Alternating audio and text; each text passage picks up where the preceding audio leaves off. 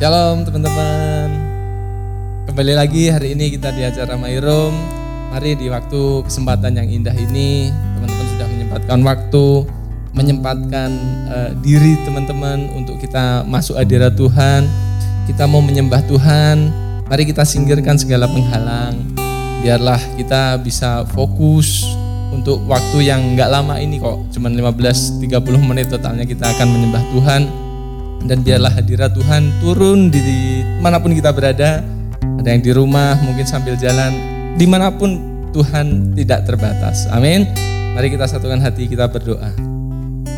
Terima kasih Tuhan kami bersyukur hari ini Tuhan kami boleh bersama-sama masuk dalam hadirat Tuhan.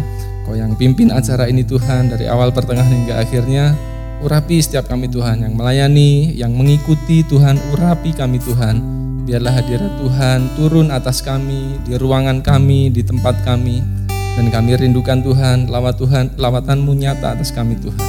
Terima kasih Tuhan, oleh sebab itu Tuhan kami menyatakan Tuhan, bahwa hadiratmu kami undang ke tempat ini Tuhan. Di dalam hadiratmu ada kemenangan, ada kebebasan, ada pemulihan Tuhan. Oleh sebab itu Tuhan kami mau masuk dalam hadiratmu. Mari teman-teman meskipun kita ada di tempat yang terpisah, secara lahiriah kita di rumah kita masing-masing.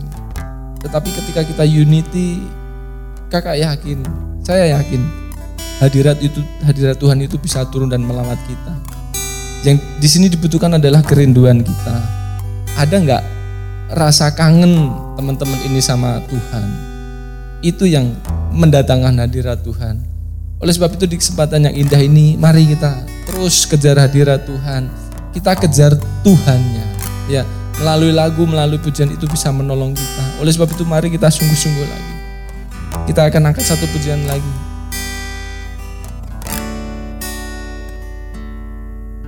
Di hadapan hadiratmu ya Bapa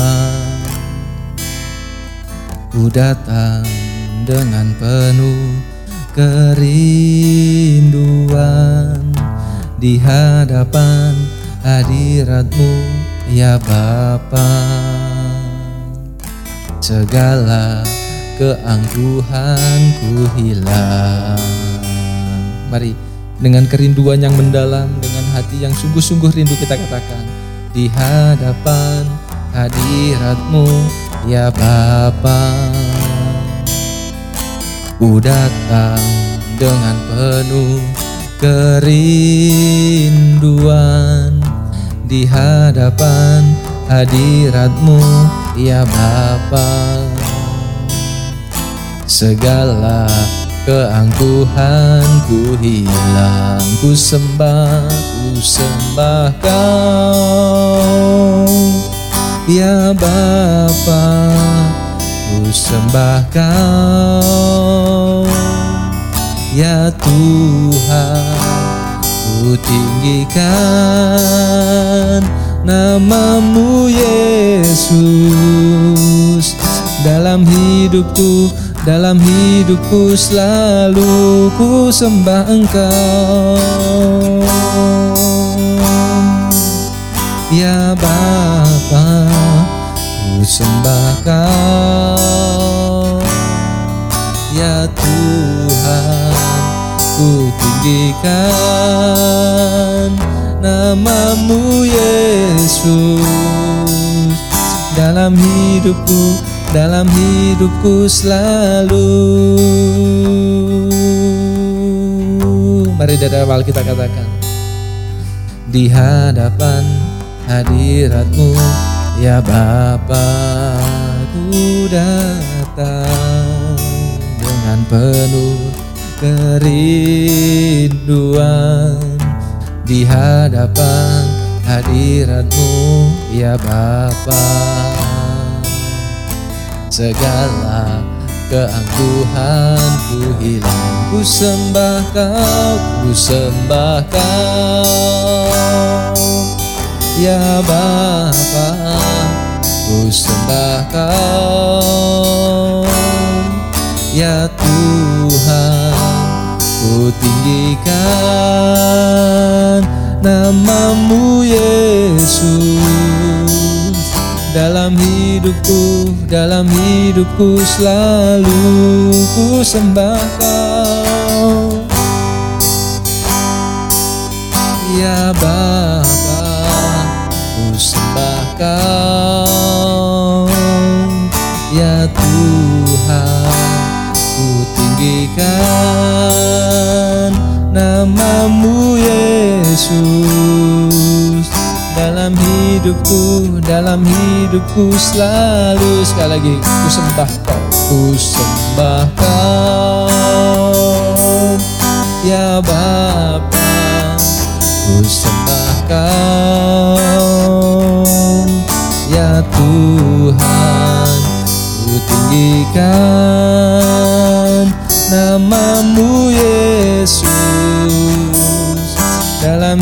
hidupku, dalam hidupku selalu ku tinggikan namamu Yesus, ku tinggikan namamu Yesus. Dalam hidupku, dalam hidupku selalu ku tinggikan, ku tinggikan namamu Yesus dalam hidupku, dalam hidupku selalu beri kemuliaan untuk Tuhan. Haleluya. Ku tinggikan namamu selalu. Mari sembah Tuhan. Haleluya. Jesus. Aku sembah. Mari angkat suara kita kita sembah Tuhan. Haleluya dipuji dan disembah. Oh Allah yang besar Ajaib mulia Yesus Tuhan. Haleluya. Ku bersyukur selalu Buat segala karyamu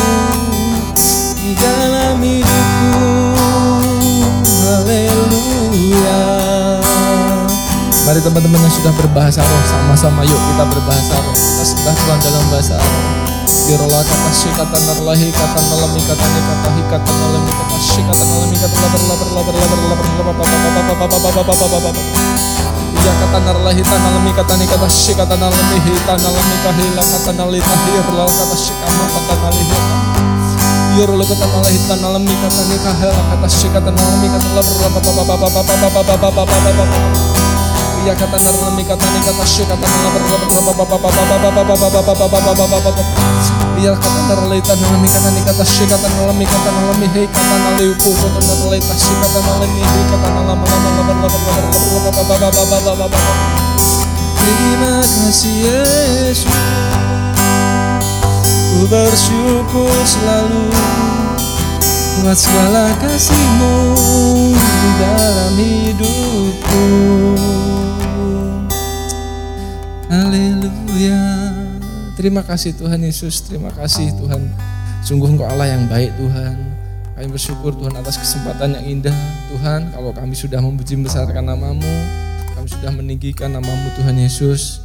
Sekarang tiba saatnya Tuhan, kami siapkan hati kami, tubuh kami, roh dan jiwa kami Tuhan untuk kami mendengarkan kebenaran firman Tuhan.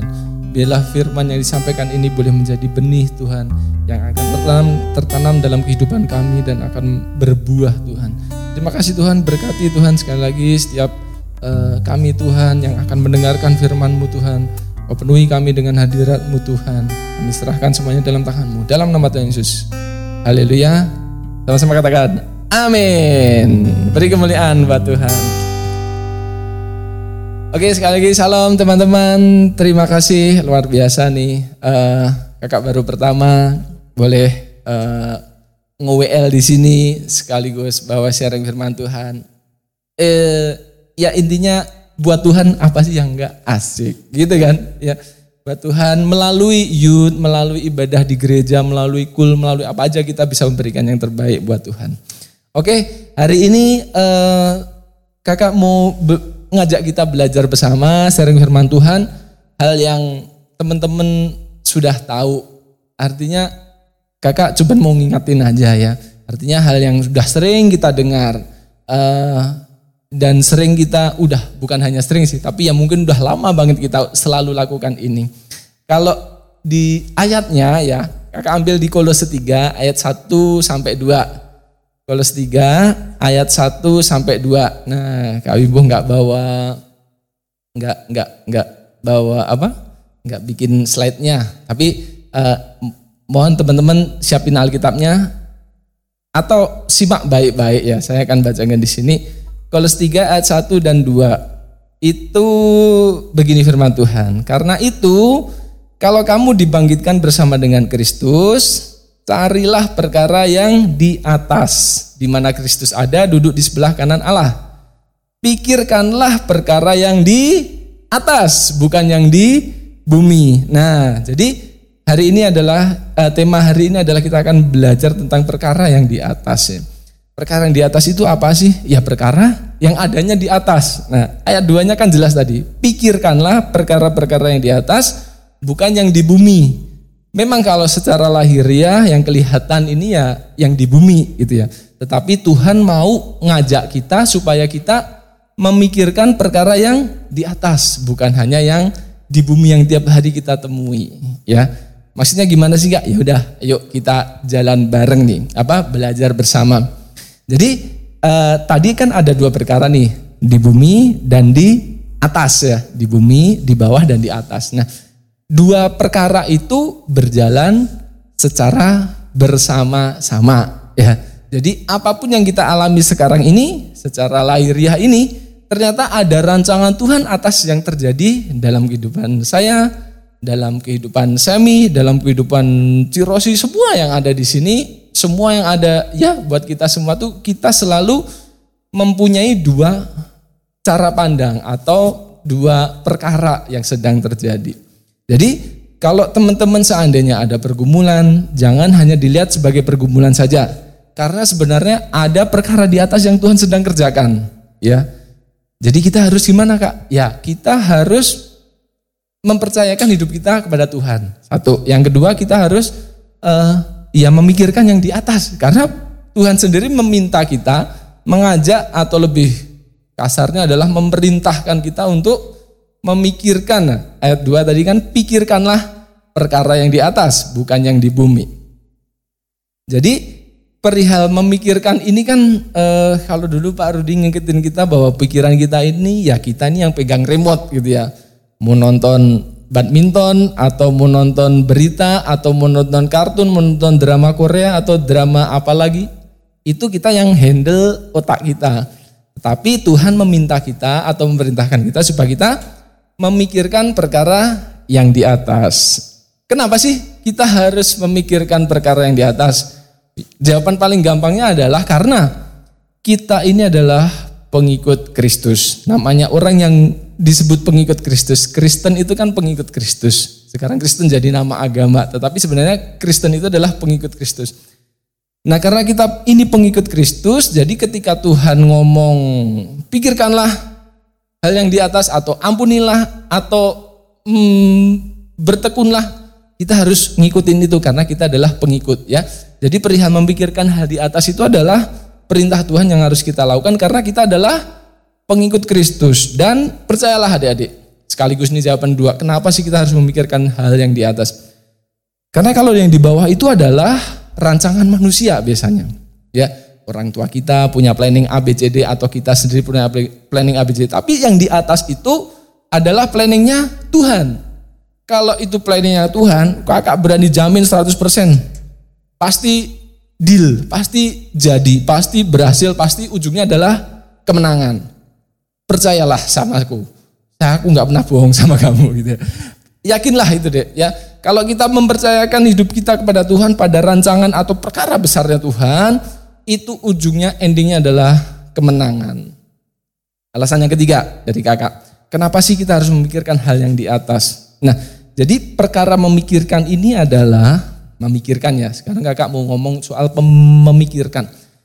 Memikirkan ini adalah hal instan yang bisa kita lakukan untuk merubah hidup kita. Pelan-pelan ya. Memikirkan atau cara pandang kita yang kita pakai itu adalah cara instan untuk merubah kehidupan kita. Mungkin teman-teman sering dengar, di dunia ini nggak ada yang instan, ya. nggak ada yang langsung brek jadi gitu ya. Ya memang iya sih. Misal ini saya masuk ya. Misal saya ini tiba-tiba pengen menjadi pemain drum yang handal gitu ya. Ya nggak bisa instan, betul setuju di situ. Atau Kak Wimbuh mau jadi apa WL sekelas SICC instan ya nggak bisa, harus naik pelan-pelan, harus belajar.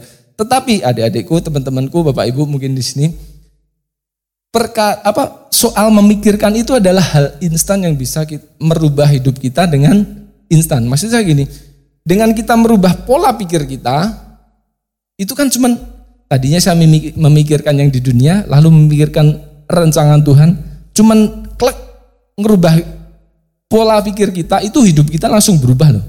Yang tadinya kita stres ngadepin kehidupan kita sehari-hari, terutama yang banyak pergumulannya, Tiba-tiba kita rubah klek, oh iya Tuhan punya rencana atas hidupku. Ada dua perkara yang berjalan secara paralel tadi di dunia dan di di atas. Itu mari arahkan pikiran kita ya eh, ke pemikiran yang di atas karena di atas itu adalah rancangan Tuhan dan rancangan Tuhan itu pasti akan mendatangkan kemenangan atas kita. Jadi eh, memikirkan hal di atas adalah hal yang sangat um, mendorong kita supaya kita ini hidup berkemenangan. Kan pasti di sini mau kan semua hidup berkemenangan? Enggak adalah mau yang yang mau kalah ya. Nah, salah satu tokoh ya mungkin teman-teman jangan bosen ya. Saya tuh kalau baca kisah Yusuf tuh bisa belajar banyak hal di sana yang uh, Yusuf adalah salah satu orang yang belum baca ayat ini tapi sudah melakukan ini ya ini kitab Kolose ini ditulis setelah zaman Tuhan Yesus. Yusuf jauh sebelum ribuan tahun. Kak Wimbu nggak tahu tepatnya berapa.